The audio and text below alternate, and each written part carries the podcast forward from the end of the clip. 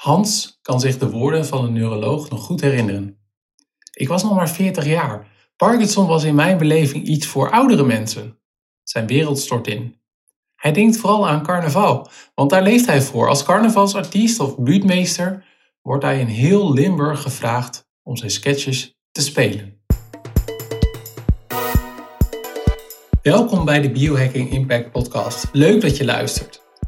In de preview hoorde je het verhaal van Hans. Hans die de ziekte van Parkinson heeft.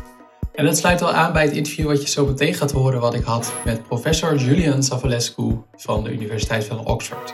Hoe dat nou precies zit, dat hoor je zo meteen. Maar voordat we daar zijn, nog een aantal dienstmededelingen. De eerste is, ga naar biohackingimpact.nl voor de show notes. Ga naar biohackingnieuws.nl om je te abonneren op mijn nieuwsbrief. Daarin deel ik elke maand, de eerste maandag van de maand, krijg je die alle actualiteiten als het gaat om biohacking, mijn duiding daarvan, mijn visie erop. In eerste edities, eerdere edities, die zie je ook op biohackingnieuws.nl. Want in die nieuwsbrief deel ik ook alle openbare lezingen die ik binnenkort geef. Meestal word ik ingehuurd voor bedrijven of uh, organisaties om te praten over biohacking, mensverbetering of uh, zorgtechnologie. Maar af en toe spreek ik ook, op openbare meetups en bijeenkomsten en festivals. Dus niet altijd gratis. Maar in de nieuwsbrief kun je dus uh, op linkjes klikken en dan zien waar het is, of je moet betalen, uh, hoe laat het begint en dat soort dingen. Uh, voor de komende tijd de masterclass Zorgonderwijsvernieuwers op 6 november 2020 in Bunnik. Dat is helemaal relevant als je in het zorgonderwijs werkt. Dan Brave New World op 9 en 10 november 2020 in Leiden. Ik ga naar Leiden, maar de conferentie is volledig online. Dus waar je op dit moment ook luistert, kun, je daar, kun je daarbij zijn. Hetzelfde geldt voor de Biohackers Assemble op 25 en 26 november. Dat is ook online. Dan, als het goed is, de eerste openbare fysieke bijeenkomsten weer. Nou ja, zorgonderwijsvernieuwers is waarschijnlijk, hopelijk ook fysiek trouwens. Maar dat is het Groningen Forum op 31 maart 2021 in Groningen. En wat daar heel leuk aan is, is dat naast de ondergetekende dat ook Neil Harbinson, de cyberkunstenaar, daar waarschijnlijk bij is. Biohackers Summit op 7 en 8 mei 2021 in Amsterdam. Die is ook twee keer verzet. Nou, hopelijk dat die deze keer uh, wel kan uh, doorgaan. Uh, dus als ik, al, als ik al zei, als je er meer over wil weten, kijk dan in mijn nieuwsbrief. En op biohackingnieuws.nl kun je ook eerdere edities terugvinden van mijn nieuwsbrief. Dus kun je altijd nog beoordelen of je het wat vindt. En ook als je abonneert, dan ben je ook met één klik weer uitgeschreven. Leuk om een lezing eruit te lichten. Vorige keer heb ik verteld over een lezing die ik deed bij, het, uh, bij de Hogeschool Arnhem-Nijmegen over het symposium Topzorg. Het was heel erg leuk, maar het was ook uh, interessant, want ja, als, als, als, spreker heb ik nu ook te maken met meerdere vormen. Dus ik heb de, ja, de webinars waarbij ik achter mijn eigen laptop sta. En natuurlijk gewoon de lezingen. Maar bij de hand was iets, dat heb ik ook al eerder gehad bij de ROC Top in Amsterdam, een soort van mix. Dus ik was op locatie en ik praatte voor de camera. En achter mij stond een beeldscherm met de slides. Dus het was een soort van mix van een webinar en een presentatie. En dat was ook interessant voor mij, want uh, in de zaal zaten wel iets van, uh, van tien studenten van de organisatie uh, vooral. En die gingen daarna ook weer uiteen in, in subzalen in Microsoft Teams. Maar ik moest dus voor camera presenteren en daar zat eigenlijk mijn grootste groep, dus iets van 200 mensen. Maar tegelijkertijd wilde ik die mensen in de zaal ook niet helemaal negeren. Dus dat is een soort van mixen van ook mijn, uh, mijn aandacht.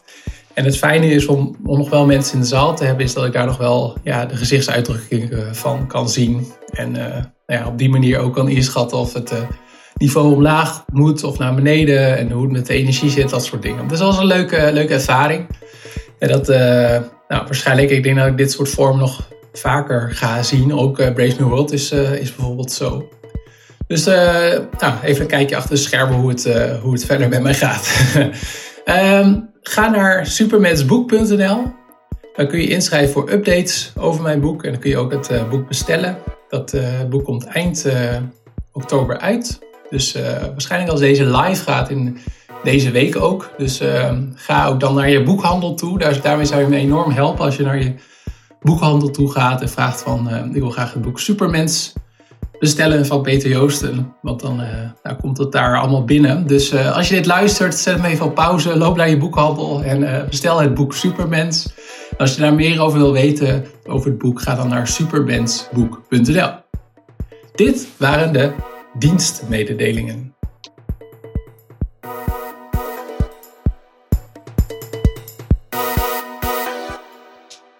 Gesprek wat je zo meteen gaat luisteren tussen mij en professor Julian Savulescu is in kader van mijn boek Supermens. En de uh, introductie die je helemaal aan het begin van deze podcast luistert, uh, kon luisteren, hebt geluisterd. Sorry, ik heb iets te veel uh, of te weinig caffeine op, denk ik, vandaag. Is hoofdstuk 14. En die heet ook de Buurtmeester van Limburg. En het thema van dat hoofdstuk, en we gaan ook in het laatste deel eigenlijk van het boek, gaat over de ethiek en de argumenten voor en tegen mensverbetering. En de aanleiding is dus ook van het uh, om terug te komen op het verhaal van Hans, is dat hij dus gediagnosticeerd werd met de ziekte van Parkinson. En er zijn verschillende manieren om de, eigenlijk de symptomen te onderdrukken. Dus je, uh, Parkinson kan niet genezen worden, maar symptomen kunnen wel worden onderdrukt met uh, medicatie. Maar een van de andere dingen is bijvoorbeeld ook door deep brain stimulation. En dan wordt er, wordt er een, naald eigenlijk in de hersenen, vlakbij een bepaald hersengebied, uh, geplaatst, waar dan een kleine ja, stroompje, een pulsje op wordt gezet. En Hans heeft dat dus gedaan. En ik heb hem geïnterviewd ook voor in het kader van mijn boek over hoe dat dan is en ja, hoe het leven met een naald in je hoofd is. En hij zegt dat, dat het hem heel erg helpt. Dus het vermindert de tremoren, de trillingen die hij heeft. hij heeft ook het idee dat hij daarmee ook een, ja, meer aanwezig is, meer dingen kan doen, omdat hij minder wordt beperkt eigenlijk door, zijn, ja, door de ziekte, van de ziekte van Parkinson. En dat sluit weer aan eigenlijk met het gesprek wat ik heb met Julian Savulescu. Want er wordt nu ook gesproken over ja, dingen, eh, hersenimplantaten om onszelf te verbeteren. En met Julian Savulescu ga ik het dus hebben van waarom vinden we het in gevallen zoals bij Hans, dat je deep brain stimulation, dat iets in het hoofd wordt gestopt, vinden we dat in algemene zin, hè, maatschappelijk vinden we dat oké. Maar op het moment dat we datzelfde soort idee van uh, ja, elektronica in het hoofd gaan toepassen om te verbeteren, dan vinden we het niet oké in algemene zin. Dus het gaat elke keer van wanneer verspringt de technologie eigenlijk van uh, ja, de medische innovatie, medische technologie, naar verbetertechnologie. En wat zijn nou argumenten van voorstanders en wat zijn argumenten van tegenstanders? En ja, wat voor ethische dilemma's en morele vragen komen daarbij spelen? Nou, ik, uh, uh, in het geval van uh, Julius Evelescu is daarin best wel vooruitstrevend. Ehm, er zijn een heleboel denkers, zoals Michael Sandel, die ja, wat conservatiever en ehm, ja, wat, wat beperkter zijn over, de over dit soort toepassingen. Die zeggen van we moeten niet al te veel sleutelen aan de mens. Heeft er trouwens wel interessante argumenten voor. Een van die dingen is bijvoorbeeld dat hij zegt van als je praat over mensverbetering, dan impliceert dat in principe dat je de mens zoals die is, dat die niet goed genoeg is. Dus dat vind ik eigenlijk wel een valide argument. Maar Savulescu, ehm, dat hoor je zo meteen ook, die zegt van ja, moeten dat, dat kan ook weer te veel afleiden. En de vraag is of, of dat ook wel goede argumenten zijn. En, uh, nou ja, daar heb ik eigenlijk gesprek met hem over. En we beginnen eigenlijk met de vraag van of hij zichzelf een biohacker of transhumanist noemt. Uh, maar ja, Savulescu laat zich niet, niet al te snel in een uh, hokje plaatsen. Oh ja, ik moet er nog even bij zeggen, dit gesprek heb ik opgenomen tijdens de Dag van de Maakbare Mens in Gent, België, in uh, eind 2019. En als je naar de show notes gaat, dan kun je daar ook nog een video, dus ik heb hem ook op YouTube geüpload, dus ook de video van, van het gesprek kun je zien. Dus hoor je niet alleen mij en Julian praten, maar heb je er ook nog beelden bij. Dus hierbij veel plezier met mijn gesprek met professor Julian Savulescu. Julian Savulescu, can I call you Julian? Sure. Um, uh, I'm a biohacker. So I'm wondering, in your work as an academic, uh, do you uh, come across the term biohacking more and more, or, or is it still in acad academic terms still a, a, a, word which is not very much used? Yeah, you know, I, have uh, I'm familiar with the term biohacking, and, and I have a friend who's a biohacker. Uh, so the I, I, think there's the famous biohacker Josiah Zayner. Zayner, yeah. that's right. That's been injecting uh, gene editing into yeah. his muscles, which I, I, don't think it's really had any effect. But uh, maybe you can tell me whether it has. But um, uh, no, I heard it hadn't had the effect he he hoped for. He wants to be more muscular. Yeah. Um, but I'm a biohacker in the sense that I have a chip implanted. Which is also a, a sub part of, of biohackers. Yeah, yeah, yeah. Um, I've seen the ones for magnetic fields. Yeah, and, yeah. Very impressive. What's your chip do? Uh, it now has a, you can see it here. It has a it's my contact information on it. I also have my Bitcoin wallet on it. But in the coming weeks, I have another chip which I can pay at, at the shop. So I just like do this. I think that's that's even more practical. That's a real real biohack, I think. Uh, but what I in uh, regarding terminology, something I still struggle with is maybe you know it. What's the difference between human enhancement and biohacking? Do you have a sharp? Uh, well, I think that um, human enhancement is a much broader term um, that is used to embrace, you know, enhancing human performance or well-being using a whole variety of technologies, you know, ranging from genetic technologies to, you know, include chips um, and, uh, you know, drugs and, and transcranial electrical stimulation, surgery. Um, whereas I take biohacking to, to be um, I mean, I guess it is the integration of technology, but it, it, for me has more connotations with with cyborgs and the integration of technology, you know, wholesale into into the body or connections directly with technology. So, you know, typically it's been about you know using chips to give us new powers or new, capacities that we haven't had. So, I mean, I think that you know the sort of stuff that um, Josiah is doing, you know, I would just put that down to sort of self experimentation using genetic technology. I think, you know, typically biohacking, yeah, well, for me anyway, it's more about solid state But you're the expert. What, what is the difference? well, I think you you had, had a nice definition where you say human enhancement is a way broader, so it's all kinds of improving us as mankind. And biohacking, I think it's more on experimental technologies. Yeah. Because biohacker really like to try things out which are maybe not uh, scientifically or technological validated, but they go ahead and yeah. they're more human guinea pigs. So, right. yeah, yeah. Kevin Warwick was another sort of mm, famous biohacker. Yeah. Yeah.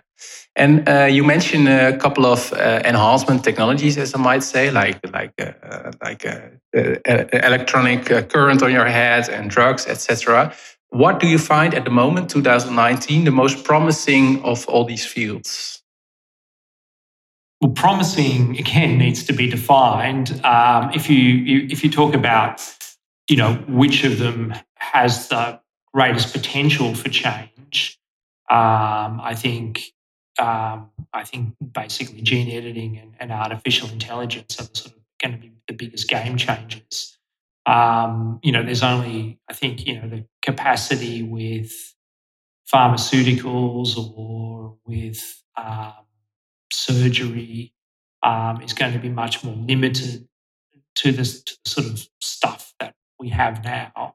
Um, but if you're talking about probability, or you know probability multiplied by value as promising, you know, uh, then I think you know you might have to go back to sort of pharmaceuticals. We already know that there are effective human enhancers in terms of um, physical enhancement, so that that's been sort of well documented. The sort of benefits of testosterone growth hormone, EPO have in physical performance, um, and you know there are there has been some progress in terms of cognitive enhancement uh, drugs like modafinil and Ritalin that do enhance aspects of cognitive performance. And that's going to be sort of much more tractable in the short term than, than gene editing. But, you know, in, in the long term, I think rewriting the, the, the kind of human genome, so there you go, some uh, yeah. enhancement um, is going to be the sort of, you know, there's, you know, really, I mean, because we could introduce genes into human beings that humans have never had before, genes from non-human animals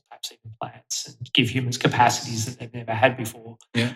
Uh, or even, you know, immortality. There are, you know, there's a, a jellyfish called Turritopsis or something like that, Nutriculus, it's immortal. So, you know, I think that the, the kind of stakes are extremely high.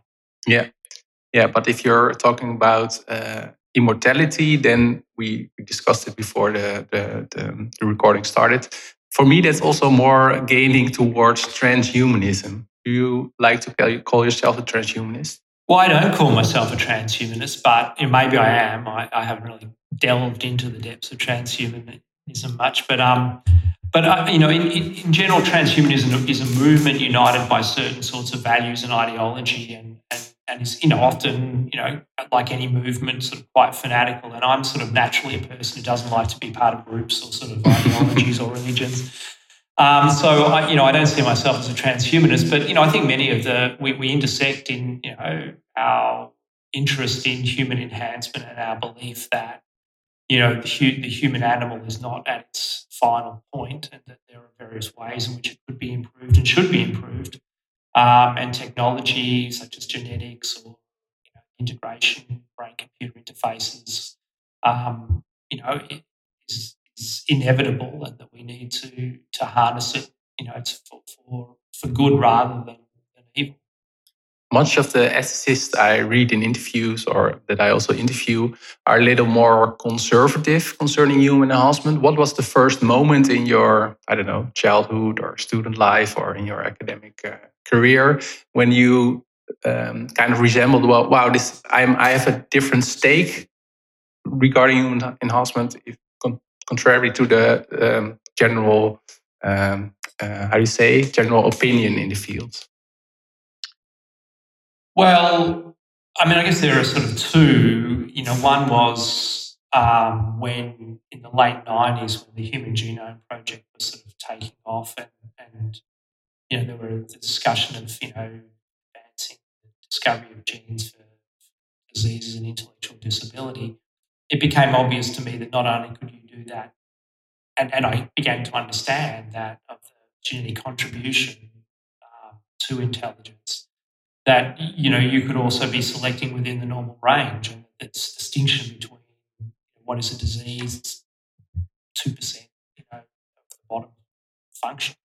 Um, it's just an arbitrary distinction, and that there were significant disadvantages that accrued to some aspects of normal normal function, and that science was giving us the you know opportunity to to influence that and and you know I, my, part of my PhD was on well-being, and part of it was on rationality and autonomy and the obstacles to those. And it was obvious to me that there were various inherent obstacles both to autonomy and well-being, and that you know genetics was starting to offer the opportunity for overcoming them. And then I looked at what was happening in sports, and it was obvious to me that there was a lot of doping in the late 90s, um, cycling and athletics, and, and that you know human enhancement worked. It worked. You could measure mm. the effect of human enhancement, especially and, in sports. Yeah. Yeah, and then I, I you know, I you know, started to have this revelation that not only could you enhance cognition, not only could you enhance, you know, sporting performance, but you could enhance any aspect of human function and, and existence. So then I started to write about enhancement of love. I didn't write so much about mood because people had already done that, but and then you know the last bit was to to, to sort of look at moral enhancement which was the you know improvement of moral behaviour using biological uh, bioenhancement. Yeah, I, you also made a um, or gave a TED talk about that in Barcelona, which I uh, viewed. Uh, I will come back to the morality uh, later, but I'm curious uh, because, um, uh, well, when you say human enhancement, a lot of people think about the direct positive influence is had is will have on an individual. But you also stated in one of the lectures I saw online that it also is beneficial to society. For example, if you have an uh, increase of IQ of society as a whole, uh, poverty goes down, uh, violence goes down, etc. Um, uh, but another, so I think that's great. But another feeling I get is, doesn't it uh, violate free will, etc. Those kinds of things. Is this also a pushback you get a lot? A lot of people fear enhancement will undermine human freedom, and, and it could. And I think this is another sort of general aspect of practical ethics. And people want to have a kind of simple mantra uh, that one thing is good or bad, mm. you know. And if, but even if you take something like killing, is killing, um, you know, an innocent person wrong? Well, you, almost always, but you know, if it's necessary to save the world, it might not be wrong in some circumstance. So, you know, you know, human enhancement could undermine freedom. So if you did put chips in people's brains that determined their intentions and their actions, uh, and they had no control over those chips, or you know, deep brain stimulators that forced people to eat. So, for example, deep brain stimulation is used to treat anorexia. Mm. Then that would undermine freedom. But you know, it could also be used to promote freedom. So if you're having obsessive thoughts or compulsions to diet, deep brain stimulation kind of relieves, then it could be promoting the freedom of an anorexic to, you know, realize their values. So, for example, if you improved empathy with genetic modification or a drug, uh, in my view, that would not undermine freedom. It would make a person more like somebody who's already more empathetic. Um, that's different to, um, for example, you know, inserting a gene that causes a person to relentlessly work on the task that they've got mm. without the ability to resist in a compulsive way. Um, so I think whether enhancement liberates us or imprisons us really depends on the specific enhancement, the way it's used. So to give you another example, um, Ritalin, the drug, um, used the sort of amphetamine derived drug that's used to treat attention deficit disorder, um, has been shown to reduce violent reoffence in criminals in Sweden who have attention deficit disorder by 30%. And, and so that's a fantastic sort of moral effect for society. But it also enables that individual to have larger long term rewards rather than going for a short term reward or reacting to emotions impulsively and, and committing violent acts. So it promotes their well being and also promotes their autonomy. I think Ritalin, in that case, enhances the individual's freedom. Um, so, you know, I think that whether it undermines or promotes enhancement will depend specifically on, on what technology you're talking about. Yeah. And is your stance on on because you I, I promised I will get to back to morality. Like if you if we have the morality pill, um, uh, are there also cases when you think about practical ethics when it's not a good idea to have a morality pill, or do you think the net outcome is also always positive?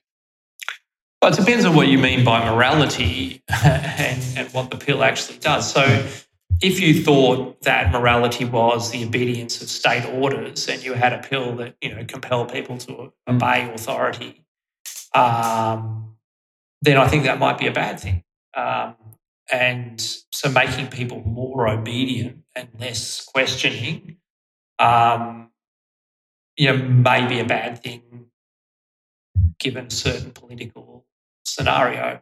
Um, so you know, again, another another um, you know case that people often give me is, well, if you made people more altruistic, um, you know, and, and more willing to help and less inclined to be violent, then when violence is necessary to stand up to oppression or you know unjust threats. So you know, an example John Harris has given is um, of a guy called Schuringa, who I think he was Dutch actually, um, who tackled a terrorist on an aeroplane and, and disarmed him and saved mm. him the plane.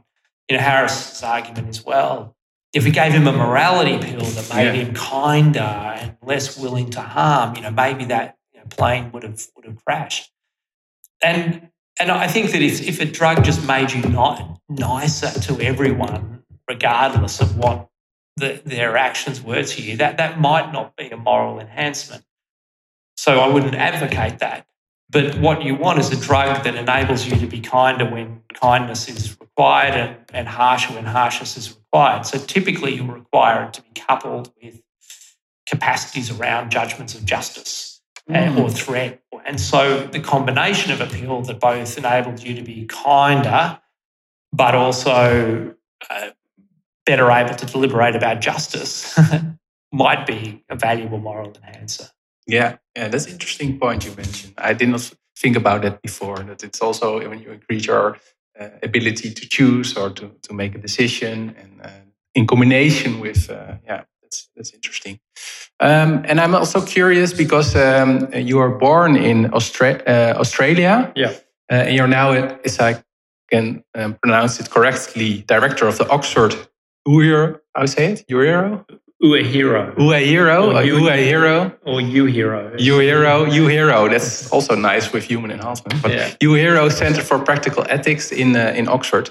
Um, so I'm wondering. My question is, uh, and you also travel a lot um, for your work, uh, I think. Uh, do you um, come across uh, diff how different countries or cultures look differently at the topic of human enhancement? Yeah, I think that um, you know my my experience is that clearly Americans are much more libertarian and willing to sort of an enhancement culture. Um, you know, where particularly in Silicon Valley, people are experimenting, you know, with with low dose LSD or MDMA or these sorts of drugs. Um, so that, that's a very experimental culture. I think that the Chinese don't have the restrictions that you know Western countries have that derive from a Judeo-Christian morality around you know modifying human performance and uh, and, and often for collective social goals. Um, so you know they don't have a focus on human dignity or human freedom or human you know human individualism that that um, that we have. Um, so you know they've been at the forefront of a lot of, of genetic research. Um, you know, so I think that you know attitudes towards enhancement do vary across across cultures. Um, I think that doesn't mean that that that that it's just really in the culture's eyes. I don't believe in relativism. I think we should have some universal principles that govern human enhancement. Um, and you know, I think that the challenge is to to identify, you know, what what well-being consists in, what what would be an, an enhancement of somebody's life to enable them to have a better life, and, and what would be a better society, what would be an appropriate moral goal what what do we owe each other, as Tim Scanlon's book was famously titled. Um, so I think those are two great philosophical challenges, and then we need science to to to tell us what the risks and benefits of different strategies are. So I think we need a, a, a kind of a philosophy, ethics, and science of human enhancement. Um, and I don't think that we want to just rely on kind of cultural experiments. Mm, no, because then also one country you can take back bigger risks as a country, and they can also, uh, uh, how to say it, um, gain maybe a competitive advantage in, in certain human enhancement technologies. Um, I'm also curious uh, um, about um, do you find some science fiction novels or series or uh, movies um, uh, have give a, a, a, good impression of human possible human enhancement in the future and also some um, less well known or less well examples. Yeah, I, I, I, haven't had the time to read or watch science fiction movies really in the last couple of decades, um, but I have used several in my teaching. Um, and so the one that everyone sort of talks about is Gattaca, and, and I think that's uh, kind of particularly dis, unhelpful dystopian, not not you know movie about genetic enhancement because it it portrays an inevitability about inequality and, and, and restriction of freedom that you know isn't necessary. Um, and and it's a kind of you know cheesy movie about the human spirit that anyone could go you know into space if they really wanted to and they were just determined enough. But that's just not true. um, um, so it, it, my, my favorite actually pop, popular movie, uh, or my two favorites that I've used quite a lot in teaching. Um, one's an Arnold Schwarzenegger movie called The Sixth Day, which mm. depicts a kind of trajectory of human cloning, starting with cloning of pets, which is going on now, to you know stem cell therapies, but then to full human cloning, not reproductive cloning, but creating copies of, of human beings, and, and sort of touches on some of the moral issues of of that and identity. Um, so I, I, think that's quite a good film. You know, so obviously got some gratuitous violence, but but it actually is is well done as that as as is the Terminator sort of series. And the other one is Boys from Brazil that also deals with cloning. Um, and and I think um, you know both Boys from Brazil and and the Schwarzenegger films have had a lot of input by people who know a lot about the science and the sort of ethical issues, and they raise some of the issues well. Dit was mijn gesprek met professor Julian Savulescu. Het vormt een belangrijk onderdeel in hoofdstuk 14 van mijn boek Supermens, de buurtmeester van Limburg. En andere onderdelen in het hoofdstuk gaat onder meer over ja, meer argumenten van voorstanders, ook een aantal argumenten van tegenstanders, zoals die van Michael Sandel, die ik al had genoemd. Dat, uh, ja, dat eigenlijk de mens in zichzelf ja, goed genoeg is. Dus de, en dat schrijf ik ook. De, het ironische is dat zowel de voorstanders van mensverbetering als de tegenstanders van mensverbetering, die wijzen allebei eigenlijk naar de aard van de mens. Um, dus de voorstanders die zeggen van ja, het is juist in ons als mens om altijd beter te willen, om altijd te experimenteren, om juist techniek te gebruiken om onszelf te verbeteren. En tegenstanders die wijzen ook naar de menselijke aard, maar die zeggen van ja, je moet de menselijke aard in, is een hele is een is essentieel, is belangrijk, dat moet je niet willen veranderen. Nou, ik hoop dat ik met het hoofdstuk, en ik denk dat ik daarmee in ben geslaagd, dus de uitgever vond ook wel een goed hoofdstuk, uh, ja, beide argumenten uh, uiteen te zetten. En in het hoofdstuk schrijf ik ook over andere risico's en gevaren rondom mensverbetering. Dus uh, denk bijvoorbeeld aan uh, het hacken van je pacemaker. Dat is uh, niet iets uit alleen series zoals Homeland, maar ook vorige, een van de vorige vicepresidenten van de VS, Dick Cheney, die heeft onder meer ook zijn Bluetooth-verbinding laten uitzetten. Ik heb het ook over de inzet van dit soort technieken door het leger. Onder meer Vladimir Poetin heeft daar wat over gezegd, over dat hij het genetisch modificeren van soldaten een groter risico vindt dan de ontwikkeling van de atoombom. Dus nou ja, dat hele hoofdstuk, ik kan er nog wel meer over, over vertellen. Maar koop vooral mijn boek, die dus uh, nou, waarschijnlijk deze week te koop is. Uh, boek Supermens. En, uh, nou, begin bij hoofdstuk 1, maar je mag na het luisteren van dit interview en het verhaal van Hans natuurlijk ook beginnen met hoofdstuk 14. Dat vind ik helemaal prima. Dus dit was iets meer context nog bij mijn gesprek met professor Julian Savulescu. En hopelijk geeft u ook meer idee bij waarom ik gekozen heb voor het gesprek wat ik had met Hans over de ziekte van Parkinson en deep brain stimulation. Leuk dat je hebt geluisterd. Nog drie dingen. Ten eerste, ga naar biohackingnieuws.nl om je te abonneren op mijn nieuwsbrief. Daarin deel ik elke maand, de eerste maand van de maand, alle actualiteiten als het gaat om biohacking. Mijn duiding daarvan, mijn fiche erop, eh, lijst met openbare lezingen en presentaties die ik geef.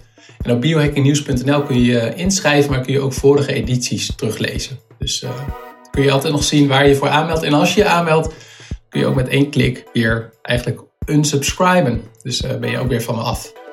Ten tweede, uh, ga naar supermensboek.nl. Daarin kun je meer informatie vinden over mijn boek Supermens. En voor de derde keer vraag ik aan jou van... Vind je dat nou interessant? Want je bent nog steeds aan het luisteren naar deze podcast. Dan weet ik zeker dat je mijn boek ook hartstikke leuk vindt. En interessant en boeiend. Uh, dus koop die vooral. Ga je, bel je boekhandel, loop langs. Uh, of bestel via bol.com. En meer informatie kun je vinden op supermensboek.nl. Of uh, gewoon bellen en zeggen van... Hey, ik wil het boek van Peter Joosten, Supermens. Dan, eh, nou, het zou super zijn. En ten derde is mijn vraag voor jou deze keer. Stel je voor dat jij misschien heb je dat, eh, op een gegeven moment heb je dat al, maar op, in je leven wordt ge, ja, geconfronteerd met een uh, ernstige ziekte. Onder eh, bijvoorbeeld de ziekte van Parkinson, die jou behoorlijk belemmert in je leven. En ook een inbreuk is eigenlijk op je kwaliteit van leven. Zou je dan overwegen om, net zoals Hans, ja, een implantaat in je brein te laten zetten? Dus zou je dan ook deep brain stimulation of misschien andere technieken die op dat moment beschikbaar zijn, zou je dat dan ook ondergaan? Ik zelf heb daar ook even kort over nagedacht nadat ik bij Hans was geweest in, uh, in Nederweert. En uh, nou, zoals ik hem zag, dacht ik van ja, ik zou dat wel doen. Hij vertelde ook dat er veel mensen zijn die hetzelfde hebben, die er niet zo tevreden bij over zijn. Maar dat heeft ook vooral met verwachtingen te maken. Dus hij zei van nou ja, ik stond heel open en positief in. En, uh, maar er zijn ook mensen die verwachten dat ze gewoon compleet hun oude leven weer terug hebben. En dat is niet het geval. Uh, maar wat ik wel aan hem merkte is dat hij uh, ja, wel blij en opgetogen was. En uh, nou, hij is ook, niet zonder reden was hij de carnavalsartiest van Limburg. Dus ik heb ook heel veel gelachen en had echt een heel erg leuk gesprek met hem. Maar goed, dus ik denk dat ik, het, dat ik het wel zou doen.